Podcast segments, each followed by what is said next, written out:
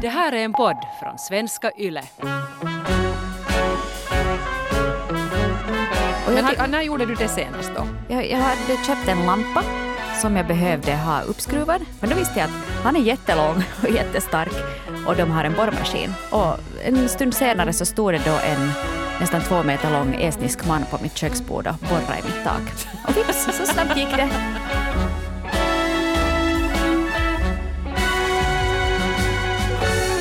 Och du, vad säger du Eva om det här med att be om hjälp? Är, är du bra på det?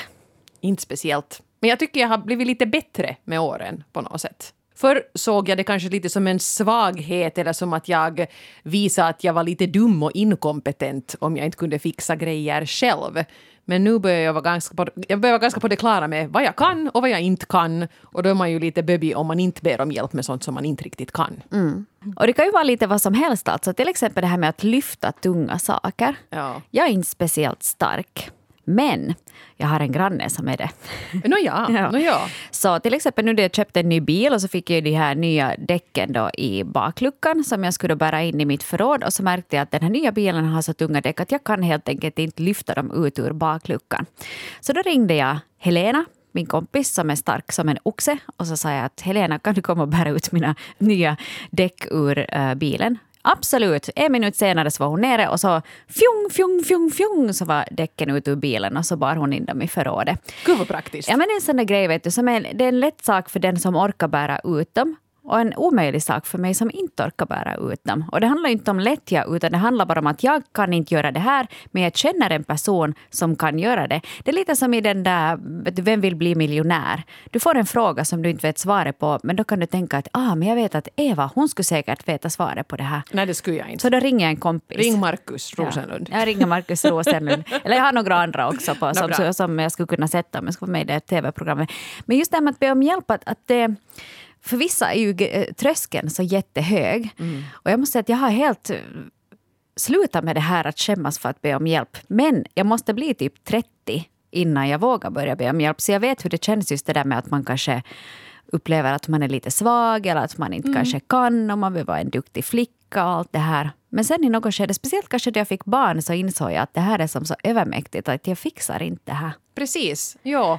Och jag tänker ju också, jag, jag har ju liksom en, en man som är ganska stark och dessutom också längre än jag. Så jag, senast jag bad om hjälp i morse var när vi hade diskat en sån här stor ugnsform som ska stå på en hylla ganska högt uppe. Och för att jag ska få upp den dit så måste jag liksom, vet du, hämta en stol och börja klättra. Och han är ju så lång så han öppnar skåpdörren och ställer dit den. Så då är det precis som med, med dina bildäck, det är ju bara smartare att han gör det då. Ja, och sen får, får man ju känna sig lite, han fick ju känna sig lite stark och manlig. Att, "Åh, Åh. Här kommer jag med min lilla petita fru och jag kommer hjälpa henne liksom nu med mina stora starka armar och min resliga längd. Det är bra om han någon gång upp, uppfattar mig som liten och petit, men okej, ja, kanske det var en sån moment. Ja, och, och då vann han. Han fick kanske också en bra filis av Ja, det där. men han hjälpte ju till där då i den stunden. Ja. Mm. Och det är ju Men- hans ugnsform också. Så, Ja. Och, och just att då du bor tillsammans så då är det kanske naturligt om du har då en stark person ska vi säga då, som ska bära in bildäck eller lyfta upp ugnsformar på en hög hylla. Så då är det naturligt att du frågar den. Men till exempel jag som är den enda vuxna i min familj precis. så, så behöver ju då kanske fråga någon annan om det behövs lite hjälp. Ja, det Och- förstår jag ju. jag Men har, när gjorde du det senast då? Var faktiskt inte så, inte så jättelänge sen. Jag, jag hade köpt en lampa som jag behövde ha uppskruvad. Och jag kan ju inte skruva upp lampor och inte kan jag riktigt borra hål i betongtak och, och sånt här heller. Men då visste jag att ah, men samma min granne Helena, hennes man, han är jättelång och jättestark och de har en borrmaskin. Så frågade jag att kan ni komma hit och hjälpa mig med lampan? Och de sa att givetvis gör vi det. Ja, men vad bra. Och eh, en stund senare så stod det då en nästan två meter lång estnisk man på mitt köksbord och borrade i mitt tak. Och vips, så snabbt gick det. Istället för att jag då ska behöva ringa dit någon elektriker och... och eh, Ja, eller börja borra själv och så har du världens största hål i väggen för att det blev lite snett. För Ja. du, ja, nej, nej, nej, men det där är bra. Eh, jag vet till exempel eh, Pernilla Wahlgren har pratat om det i sin podd och säkert hade synts i Wahlgrens värld också. Men hon har ju den här ena superhändiga kompisen. Eh, alltså en, en tjejkompis som bara är en sån där fixare. Och då brukar de ha en dag per år när den där kompisen tar med sig alla verktyg, alla grejer och så kommer hon hem till Pernilla och så pekar hon ut att det där eh, stolsbenet är lite löst och det där, den där listen har blivit lite så här skev och, och det där borde målas och det där borde fixas. Och den där kompisen älskar det här och så håller hon på och fixar i det där huset hela dagen medan då Pernilla lagar en jättegod middag åt henne och så äter de tillsammans. Och det där har liksom blivit deras tradition. Det är som, som en julklapp till varandra det där. Mm. Jag tycker det där är så smart, jag blir väldigt inspirerad av det. Ja. Och, och, det där är bra, för då handlar det ju om att man kan hjälpa varandra med det som man är bra på. Exakt. Att om Pernilla är en fena då i köket så kan hon då göra en härlig måltid som ett tack för det. Och jag tror att det där är ganska viktigt också att om du ber någon om hjälp, om jag nu tar min granne Helena då, som hjälper mig väldigt mycket med så praktiska saker med barn. Eller vet hon du vad det älskar att lyfta bildäck. Ja, hon är, hon är stark. Ja. jag tänker så, så hon hamnar och lyfta en hel del i mitt liv. Men uh, då försöker jag göra andra saker istället, just som till exempel laga mat eller man kanske skickar med en vinflaska då hon går hem. Eller vet du, man kan ge sitt tack på det sättet. Ja, en att, liten markering i alla ja. fall. Ja. För att det känns ju inte heller... Man vill, man vill ju, eller jag vill absolut inte hamna i den där situationen heller att någon skulle tycka att gud vad hon utnyttjar mig att jag hela tiden får springa här och skruva upp grejer och sånt här. Och jag får aldrig något tillbaka. Men redan det där att man nu är symboliskt liksom, som tack nu för att du har gjort allt det här så får jag bjuda dig på middag. Det är ju ganska mm. trevligt. Jag skulle kunna ta ett exempel ännu här från höstlovet här för någon vecka sedan. Så, så då var det meningen att jag och mina barn skulle åka och hälsa på mina föräldrar. Men jag var så trött och vet du, utschasad och trött på deras jäkla gnäll där hemma Eh, mina barns, då, inte mina föräldrars. Och jag var bara så att jag, jag kan inte tänka mig det här, för vi skulle åka till Vasa som mm. ju då var en sån här stor coronakarusell. Så, så vi skulle egentligen sitta inne då i det där huset i fyra dagar. Jag kände att jag orkar inte liksom sitta med de där barnen och höra på deras jommande nu fyra dagar i sträck. Man kan inte ens vet du, gå till butiken eller handla eller något annat. Och så, så ringde jag min mor och, och, så frestade jag henne med ett härligt erbjudande att vad om bara barnen skulle komma dit på höstlovet? Att jag är så trött. Ja. Och så var mamma sådär att givetvis, att det går mycket bra. Att nu ska du vila och ta igen dig. No, men vad härligt. Och det där är en sån grej också att de kanske har haft lite tråkigt nu. De har inte heller kunnat göra så mycket. Att kanske det piggar upp dem att ha barnen där då några dagar på höstlov. Och de hade haft jättekul och jag fick vila upp mig och blev som en ny människa efter det. Så alla vann ju på det. Plus ja. barn är ju ofta mindre konstiga om inte föräldrarna är med. Det märker ja. jag på mina. De är helt liksom, ja, de sitter där och spelar bredspel och är hur belevade som helst. Klösar inte alls ögonen ur varandra. Så ja. varför, varför är ni inte så här hemma? Ja, men det säger min mamma också. Ja. Att, vet du, genast, genast om vi har varit där allihopa, att jag, om jag far fast bort och hälsar på några kompisar över natten eller något sånt, sa hon att de är som små änglar. Men sen genast jag kommer in så börjar det här jommande igen. Mystiskt är det. Ja. No, ja. Så på det sättet. Men, men det, det var en win-win och att man vågar säga det. Att jag är jättetrött. Att det vad jag skulle behöva nu är lite vanlig jävla lugn och ro i några dagar. Och att man då vågar säga det istället för att gå omkring där och tro att man måste göra en massa saker. För man kanske inte alltid måste. Mm. Exakt. Och jag menar, man gör ju allt för sina barn och det gäller ju din mamma också. Och hon kände, det var ju säkert skönt för dina föräldrar att tänka att nu dels vi, får vi umgås med barnbarnen och så ger vi också liksom dottern som behöver vila upp sig en, en present på det här sättet. Mm. Så ja, nej men absolut. Uh, vi har ju frågat er också om det här för att uh, vi båda med Hanna inser vi att, att det liksom är inte helt problemfritt det här med att be om hjälp och att det är något som man kanske till och med måste lära sig i vuxen ålder. Och, och där fick vi nog en del medhåll av, av er som har skrivit in till oss. Och också i vår Facebookgrupp, relationspodden Norrena och Frans, så blev det en liten diskussion kring det här. Och, och där har vi till exempel Lena som skrev att det här är ju så märkligt för att de flesta som jag känner är jättebra på att hjälpa och de ser sig själva som människor som vill hjälpa och de blir nästan upprörda om de upptäcker att någon nära dem skulle ha behövt hjälp men ändå inte inte bad om sådan. Men ändå så suger de på att själva be om hjälp. Och det här gäller också mig själv, fast jag jobbar på det. För det är ju win-win. Folk mår bra av att få hjälpa med någonting konkret. Mm. För man får ju uh, en bra filis om man kan hjälpa någon. Det är som i den där gamla trudelutten. Gör någon glad, din, din, din, försök gör det nu idag. Är vi i frikyrkan nu eller? Ja, nä, nästan ja. ja. Jag tror det var faktiskt någon frikyrklig person som sjöng. Men idén är det att du får ju liksom, du får en glädje av att ge och du får en glädje av att göra någon glad. Det var det som var andemeningen ja, i, ja. i den sången. så det är liksom att, att, du, de flesta av oss tycker ändå om att kunna hjälpa någon annan. Men varför är det så himla svårt att be om den där hjälpen? Mm. Uh, ni som har skrivit har faktiskt svar på den här frågan eller har lite olika teorier som gäller er. Så vi skulle kanske kunna se här Henok, 49, har skrivit till oss på följande vis. Jag har inga problem med att be om hjälp med små saker som går snabbt, typ bära in en ny möbel. Men mer utdragna sysslor där det kanske också skulle sitta bra med en hjälpande hand tenderar jag ändå att ta hand om själv. Dels vill jag inte besvära eller binda upp någon för en längre tid. Dels finner jag en viss tillfredsställelse i att sen kunna säga att jag har minsann gjort det här själv. Mm. Och vi skulle här samtidigt kunna ta Duktig flicka 35 som är lite inne på, på samma, eh, samma linje här. Skriver först att hon alltid, hela sitt liv, har varit en sån som gärna hjälper andra och också har arbetat med sådana saker. Men så skriver hon det här att själv vara den som behöver hjälp är inte så bekvämt. Jag har jobbat på att kunna be om hjälp av vänner och familj eftersom jag vet att man i alla sunda jämbördiga relationer behöver både kunna ge och ta emot hjälp. Men de inre demonerna ropar samtidigt högt att nu ska du klara dig själv, ids inte besvära andra, alla har sitt eget att orka med. Är det inte galet, eller hur? skriver Duktig flicka 35. Mm. Och jag tror nog att det här med att vara till besvär är någonting som de flesta känner igen sig i. Att ja, men de har ju så mycket att inte jag nu fråga och, och de har ju sina egna barn eller de har ju så mycket med sitt och de har ju så mycket på jobbet. Och de ja. har just klippt sin gräsmatta. Inte kan jag fråga dem och hjälpa mig plantera den här busken på nytt nu. Ja, han har haft lite dålig rygg. Att inte kan jag nu ha honom att komma hit och, och flytta med mig. Att no, nej, det ska, Man ska kanske inte ha någon nej. med dålig rygg och flytta åt en. man kan betala friska människor kan, att ja. göra sånt. Ja, nej men alltså man hittar ju alltid på ursäkter. Men jag tror också att att det är inte ganska hälsosamt att vara lite mer till besvär. Och jag funderar där att kanske det här är någonting som någon liten nytta vi skulle kunna ha av coronapandemin. För jag tänker till exempel nu här i, i våras när det var som, som mest dramatiskt. Och man, vi hade ju aldrig liksom lockdown men åtminstone de som var i riskgrupp fick ju hålla sig hemma. Och då hoppas jag att folk kanske blir lite bättre på att faktiskt kunna säga att om du går till Alko kan du köpa en flaska åt mig också. Jag menar sånt här, mm. äh, hämta lite mat åt mig. Äh, oj vad kiva om du skulle liksom någon hämtar mat som den har lagat hemma och hämtar till den där som sitter hemma då och har det lite tråkigt och sånt. Jag hoppas att folk gjorde det och att man också skulle hålla sig kvar i det här också sen när, när världen ser mindre dramatisk ut. Mm.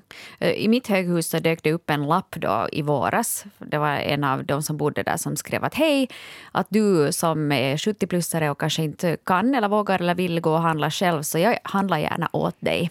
Mm. Att För det är ju ingen grej fall. om man själv går till butiken att köpa en kass till och bära upp den till grannen. Nej. Det är mycket liten insats men kan vara till stor nytta för den som inte kan gå till butiken själv. Mm. Så mycket bra. Jag tänker ännu på det här som Henok 49 skrev uh, om det här med att, att be någon uh, om hjälp. Att det beror lite på vad man ber för hjälp också. Att är det mm. just att bära in en ny möbel eller däcken ur bilen, det tar kanske fem minuter. Eller är det sen att du ber om hjälp, att kan du hjälpa mig att bygga en ny terrass? som kanske tar veckor av din semester. Att det är ju en skillnad där också. Ja. Och, och just det här med att bära saker och grejer. Till exempel det med flytthjälp. Mm. Jag tycker att jag har en liksom princip. Jag tänkte så att jag, jag, är så gammal och jag har ett jobb. Jag har råd att betala en flyttfirma de få gånger i mitt liv som jag flyttar. Att mina kompisar ska inte behöva sätta en hel lördag eller en hel söndag på att bära min skit från punkt A till punkt B. Och det är bra, när man har ja. råd. Men jag tänker till exempel när vi, ännu, när vi var lite yngre med Jonas så då var det han och hans kompisar så de så där, det, man flyttade ganska mycket i den tid, under den tiden också. Ja. Från olika studielägenheter och sånt. Och det var ju nog flera gånger per år som, som Jonas var och flyttade med någon av de här. Och sen i, i gengäld så dök de ju alla snällt upp och bar på mina prylar när jag var med och skulle flytta. Det var man ju nog tacksam för. Men jag tänkte nog sen när vi sista gången när vi flyttade dit vart vi bor nu så tänkte jag att never again. Att nu, nu de här, vi kan inte liksom utsätta dem för att bära den här jäkla tunga arvegodsbyrån som jag har ett varv till. De såg på den så uppgivet och var sådär att oj, den där har vi burit ja. på många, många gånger. Nej, Men, och det är en annan sak det där att givetvis att jag menar är du studerande, nu har jag också varit, varit flytthjälp åt folk då och, och då andra har hjälpt mig att flytta. Givetvis, men då blir det give and take. Då blir det ju lite det, men att liksom nu i vuxen ålder att vet du, utnyttja någon bara för att spara några hundringar så känns det... ju och pizza. De är sådär, ja. Ja, men ja. jag tänkte så här att har jag råd att köpa en ny lägenhet så har jag råd att betala några flyttkarlar och, bä, och bära in de där grejerna dit. Mm, det. det är ändå en mindre del. Den, lägenheten var dyrare än själva flytten. Mm. Nej, precis. Uh, man måste ju överväga. Är det här någonting jag ska utsätta mina bekanta för? Det här som faktiskt på riktigt är ganska kämpigt. Eller om jag har råd ska jag bara anlita någon som jag betalar för att de hjälper mig. Mm. Och då känns det ju bra. Då är det riktigt win-win. De får, de får pengar och jag får hjälp. Men, men eh, det här med att be om hjälp, nu har vi ju pratat eh, en del om jag vet inte riktigt, någon duktig flicka var ju förstås en kvinna, men jag undrar om det är svårare för män att be om hjälp. Att om karlar har mera en sån här känsla av att uh, en god man reder sig själv och, och, att man inte ska be om hjälp. För där kan du inte till exempel, om vi säger att du är en man som inte är jättestark, ska du då ringa till din bådare kompis att hej kan du komma och bära in mina vinterdäck? Där kanske är just en sån här lite stolthetsgrej som står i vägen. Det kan nog hända och här har vi åtminstone ett exempel här. Du måste finnas 19 skrev om det här att att be om hjälp är svårt, speciellt för en man som har vuxit upp med en del toxisk maskulinitet kring sig. Så är det åtminstone i mitt fall. Och så skriver då eh, den här personen bland annat det här. Eh, jag hade ett trauma från barndomen. När jag skulle lära mig läsa på ettan så bad jag min pappa om hjälp. Och vi satt på kvällen och försökte läsa meningar om valar och till slut skrek han att här sitter vi nu tills du kan läsa. Jag grät och jag lärde mig till sist texten utan till men jag läste ju inte den egentligen. Och jag bad efter det här aldrig om hjälp med hemläxorna under hela min 12 år långa skolkarriär, eller för den delen i något annat heller. Ja, men det där är nog sorgligt. Mm. Jag kan ha förståelse kanske för att den där föräldern, den där pappan då, som satt där och fick i nerverna på att barnet inte kunde läsa jag tror vi kanske alla har ibland tappat tålamodet mm, med då ja. de inte bara fattar att hej, det här är faktiskt hundradelar, inte tiondelar vi talar om. Been there, done that. Mm. Så, så kanske man lite tappar nerverna. Men, men samtidigt så kan det ju nog, en, en negativ reaktion kan ju nog avskräcka en rejält från att våga be om hjälp i framtiden. Som till exempel för den här 19-åringen. Ja, nej, det, det liksom räcker med ganska, ganska lite där, så det var inte riktigt klockrent hanterad den här situationen. Och det här var alltså inte enda exemplet, det här var ett ganska långt brev som vi kortade ner. Det var annat också här i bakgrunden. Men eh, jag kan bra förstå att man, man blir så pass tilltufsad att man tycker att nej, det här ska jag inte testa nu på nytt något. Mm, och det var eh, någon som skrev i Facebookgruppen om det där samma också, att, att då man ber om hjälp och man fast gör det några gånger och ändå inte får den, mm. så slutar man ju nog att be om hjälp. Ja, här är också Redhare, 28, som har varit med om just precis det här. Det är väldigt svårt att be om hjälp. Jag känner stolthet när jag klarar mig själv och vill inte vara en börda för andra. Ett tidigare förhållande har avskräckt mig ytterligare från att be om hjälp. Min partner sa alltid nej när jag bad om hjälp med någonting. Det kunde vara allt från att skjutsa mig ett par kilometer eller att hjälpa mig att flytta. Jag blev väldigt sårad när han sa nej, för han hade aldrig någon egentlig orsak till det. Han hade nu bara inte lust. Så jag slutade be honom om saker och kände mig väldigt ensam.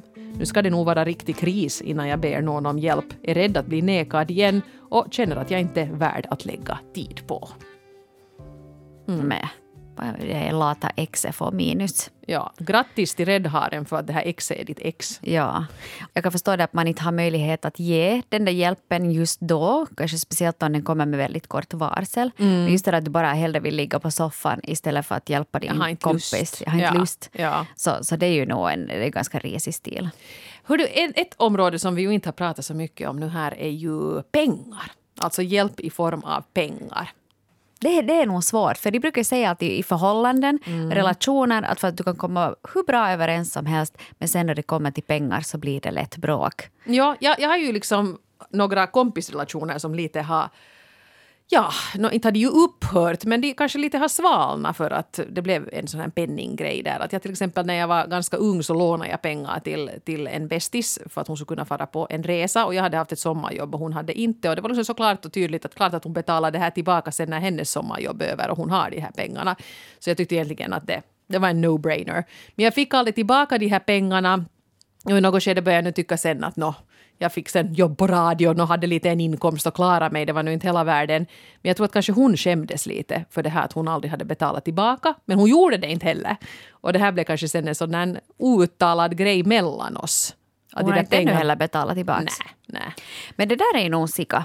För, ja. för jag menar, du ska inte behöva ha ett sommarjobb för att betala din kompis resa. Mm, men jag ville fara på resa med henne. Det var liksom, vi får tillsammans. Ja, ni får tillsammans. Ja, no, ja men ändå. Ja, nej, och, och jag liksom, för mig skulle det vara så jag har nu några gånger i mitt liv lånat pengar av släktingar och sånt här. Och det har känts så här som att nu fast hellre får banken vänta och jag fast tar lite liksom straffräntor på några andra krediter här nu. Men den här grejen jag har lånat av den här som står mig nära det måste jag betala tillbaka först. Eller om jag av någon anledning inte kan betala så ska jag förklara det och liksom säga att och det här är min plan och titta där får jag en sån inkomst och då kommer jag att betala det till dig. Och jag har ju så snälla släktingar så att de i många fall ju säger att nej men ta ingen stress med det där att du betalar sen när du kan. Men det är viktigt för mig, det är liksom en sån här hederssak att har man lånat så ska man betala tillbaka. Eller åtminstone markera att att jag kan inte nu, men jag har inte glömt och jag kommer att. Liksom. Mm. Så och, tänker jag. Och det är det som är viktigt, för att jag har också lånat pengar åt några goda vänner. Jag skulle inte låna pengar åt sådana som jag inte litar på. Och jag har nog fått tillbaka de där pengarna också. Och då, kan det ju vara en sån situation till exempel att den här ena summan var en ganska stor summa, att det är ganska få som kan hosta upp den sådär bara. Mm. Och, och, då bestämde vi istället så då föreslog en kompis att vad om vi gör upp en plan att jag betalar 100 euro i månaden under så här och så här lång tid. Mm. Och, och, och, sen så löste det sig. Att man kan liksom ha en plan. Att, jag skulle säga att det där med att låna ut pengar är lite samma sak som att investera pengar. Att du ska inte ge bort såna pengar som du måste få tillbaka snart. Mm. Att det måste vara pengar som du kan leva utan åtminstone en tid framöver. Eller att man har bestämt någonting, att, att när de här pengarna måste betalas tillbaka. För att, för att annars så blir det också att du känner dig kanske lite utnyttjad. Det är ju eh. just det där. Och jag kan fast ge stora pengar, pen, ah, penningsummor ja. till människor som, som jag tycker om. Det är liksom inte frågan om det. Om de är i knipa så inte finns det någonting jag vill köpa hellre än att ge de där pengarna till min kompis så att, så att hen då fixar det. Jag menar, det har vi också i vår relation med Jonas. Liksom, det har varit, vi har varit ihop nu i hundra år som du säger, det, det nästan stämmer. Och det har förstås varit så där att en del perioder har den ena haft mera pengar och ibland har det liksom slagit om. Men jag tycker vi har haft en ganska bra balans med det här att hördu nu betalar jag den här vet du, bilbesiktningsräkningen för att då bekymrar det inte dig och det tycker jag är det bästa just nu som, som jag kan få. Att mm. vi inte liksom har någonting som tynger vår relation. Och sen har den andra kanske, han då istället betalat någon gång när jag har varit lite så här shit, kolla vilken räkning jag nu fick. Ja, men det är kanske en annan sak också mm. om man lever ihop. För då, då, men, men jag tror att kommer där... man in i en relation var, var liksom det här med pengar är liksom något dramatiskt och man har blivit liksom bränd av det, så tror jag det också är svårt att i sitt förhållande bygga upp en sån här Ja, men nu, nu kommer vi in på det här som vi gjorde ett avsnitt om i tiden och kunde göra ett nytt så småningom, pengar och förhållandet. Mm. Men pengar ställer ju nog till det för många. Ja. Jag har ju fått som sagt tillbaka alla pengar som jag har lånat ut, men jag kommer inte att göra det igen. Mm. Alltså helt enkelt av den orsaken att jag tycker att det skapar en obalans i den där kompisrelationen. Ja. Och det, blir, det känns som att den som är skyldig mig pengar känner sig lite i underläge och det gör inte bra för den där vänskapen. Att det kanske är mer det än de där pengarna som det handlar om för jag mig. Nästan hellre, ja. Jag tänker just det där att jag skulle nästan hellre i en sån situation ge de där pengarna ja, man ger än låna ja. ut dem. Ja. För det är just det som du sa med den kompisen att ni hade varit på någon, någon resa och så där. Jag har också varit på någon resa någon gång och då var den här kompisen hade väldigt lite pengar och var lågavlönad och jag hade då mera. Så sa jag hej att jag, jag betalade ditt flyg eller jag betalar din del av mm. boende, vad det nu sen var att låt mig göra det bara och så talar vi inte mer om det. Punkt. Ja, men en situation faktiskt, när, jag, när jag fick pengar, en ganska stor summa var då när jag blev sjuk, när jag tappade håret för, för tio år sedan. Och då försökte jag, hade ganska dåligt med pengar då och de här jäkla perukerna som man kanske vill ha, de kostar så förbaskat mycket pengar och jag köpte en sån där billig som man då fick lite så kommunalt stöd för också. Den var jättejobbig och den kliade och hade sig och jag skulle vilja ha en sån där som liksom var av äkta hår och liksom gjord just för mig, sådana som, som man kan ha om man, är, om man är helt skallig.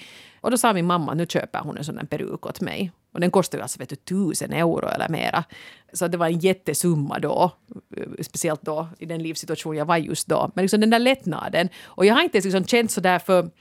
För jag, jag förstår ju att det vad det hon ville göra, det var det hon ville sätta en stor del av sin lön på just då, var att hjälpa mig. För att hon tyckte synd om mig och, och förstod att det här kanske hjälper mig också mentalt att komma vidare med det här. Så jag menar, då, den gången kände jag riktigt att nu tar jag emot den här hjälpen och funderar inte desto mer på den saken. Mm.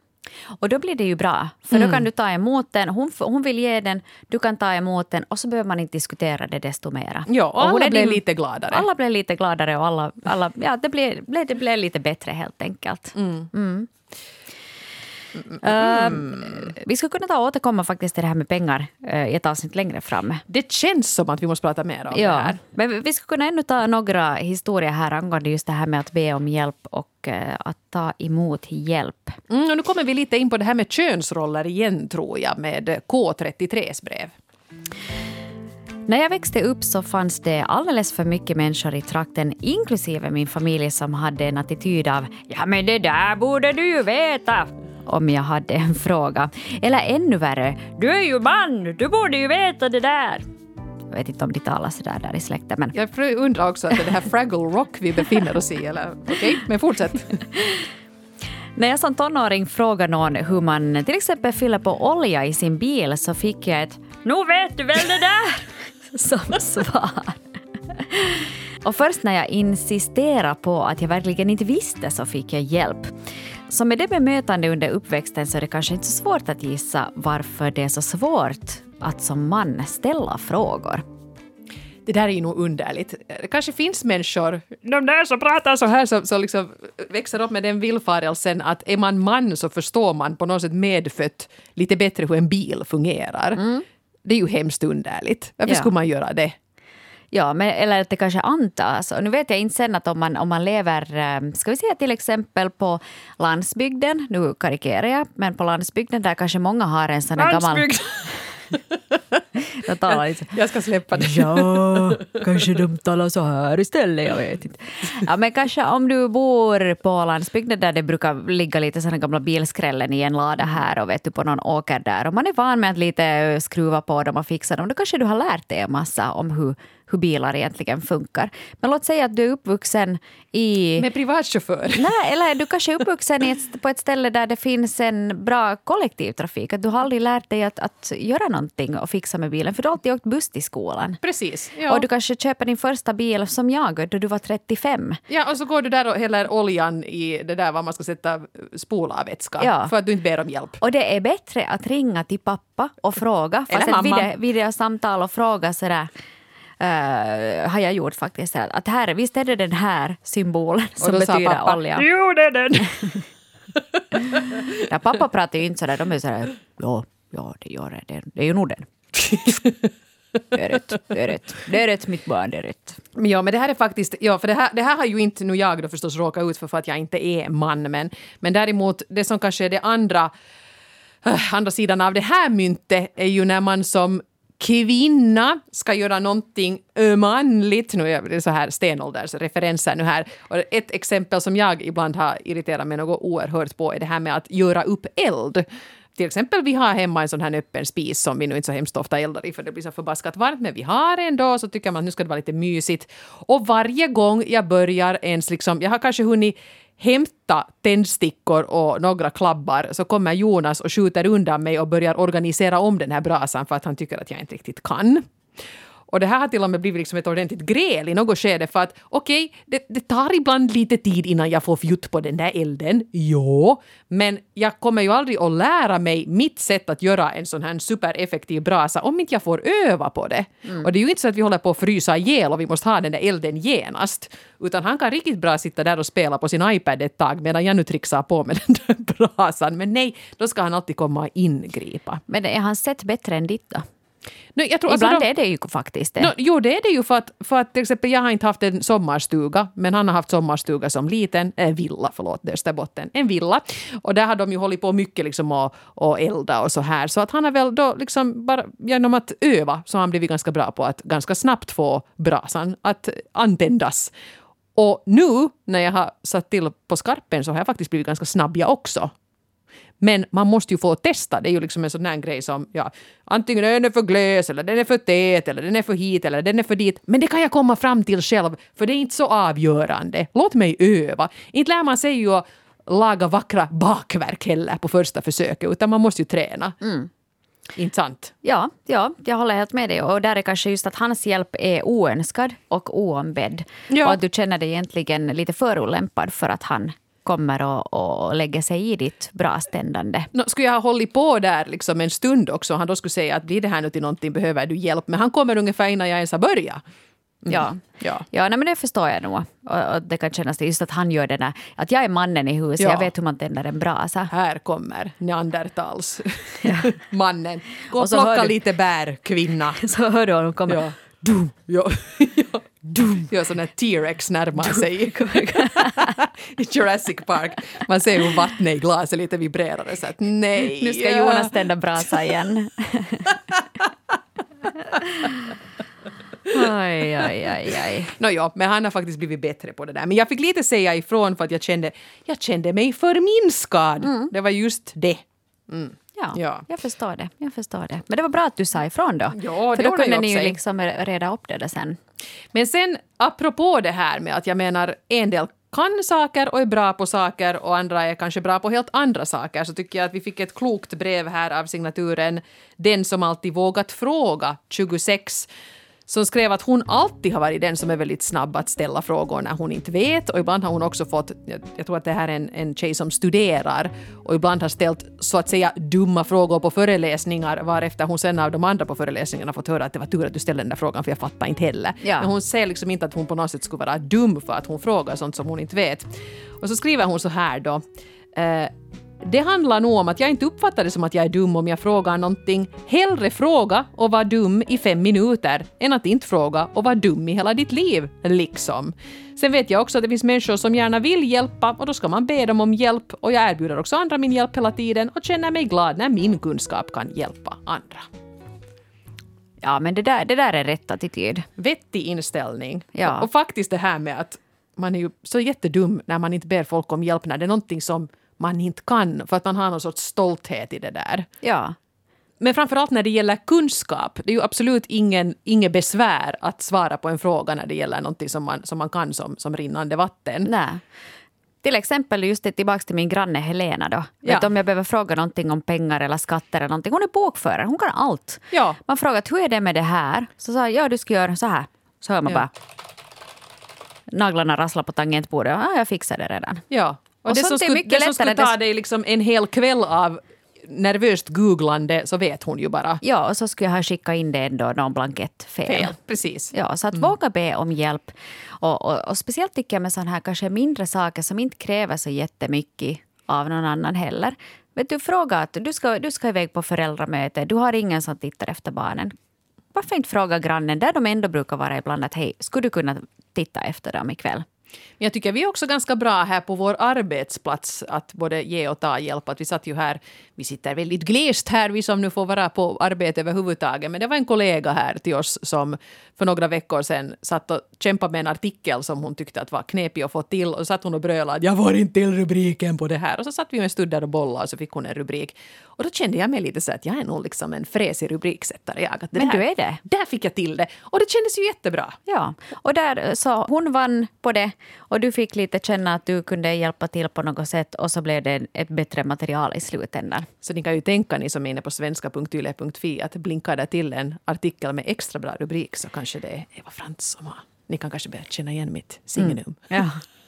Gå in på svenska.yle.fi och, och sök upp allt material som finns på Norren och Frans så får ni se Evas briljans blixtra till där. I, Ja. i, inte bara rubriksättningen utan faktiskt också i formuleringarna överlag. Och mycket av ert material så finns ju också samlat där, så gå in där och Det börjar vara en redigerbank med, Ja. med historier som vi har där. Så faktiskt det är roligt att gå in och läsa dem också eh, ett litet tag senare. Men hör du, vi tar ett sista brev här ännu och det är tant över 60 som har skrivit till oss och hon berättar att hon är lite handikappad och har upplevt att folk nog väldigt gärna hjälper henne. Men skriver också så här.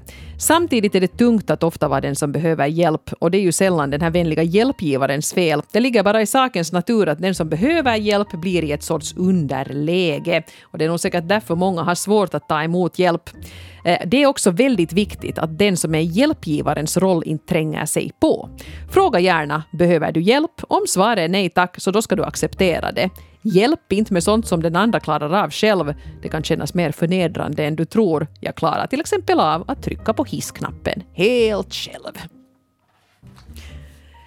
En bra poäng det där, för att ibland kan den där hjälpen ju faktiskt, lite som nu den här mitt bras exempel, kännas lite sådär, ja, förminskande. Ja. Nej, det är helt sant. Det är helt sant. Så att, att kanske erbjuda den hjälpen men sen acceptera nejet ifall de säger att nej, jag klarar mig, så det är helt fine. Och kanske också fråga hur kan jag hjälpa dig med det här om man ser någon som, ja, klassiska exemplet. Man ser en långsam liten tant som ska ta sig över en vältrafikerad väg. Så släpa inte iväg henne så där bara utan fråga, fråga kanske hellre att kan jag, kan jag hjälpa på något sätt. Ja. Bra, bra. Good point där. Tusen tack till alla er som har skrivit till oss Ja, och hjälpt oss med det här avsnittet. ja det var ju härligt. Förhoppningsvis har vi också kunnat hjälpa er på Oh, något sätt. oh. Och eh, då säger vi eh, tack för idag och vi är tillbaka igen om en vecka. Yes. Hej då! Hej då!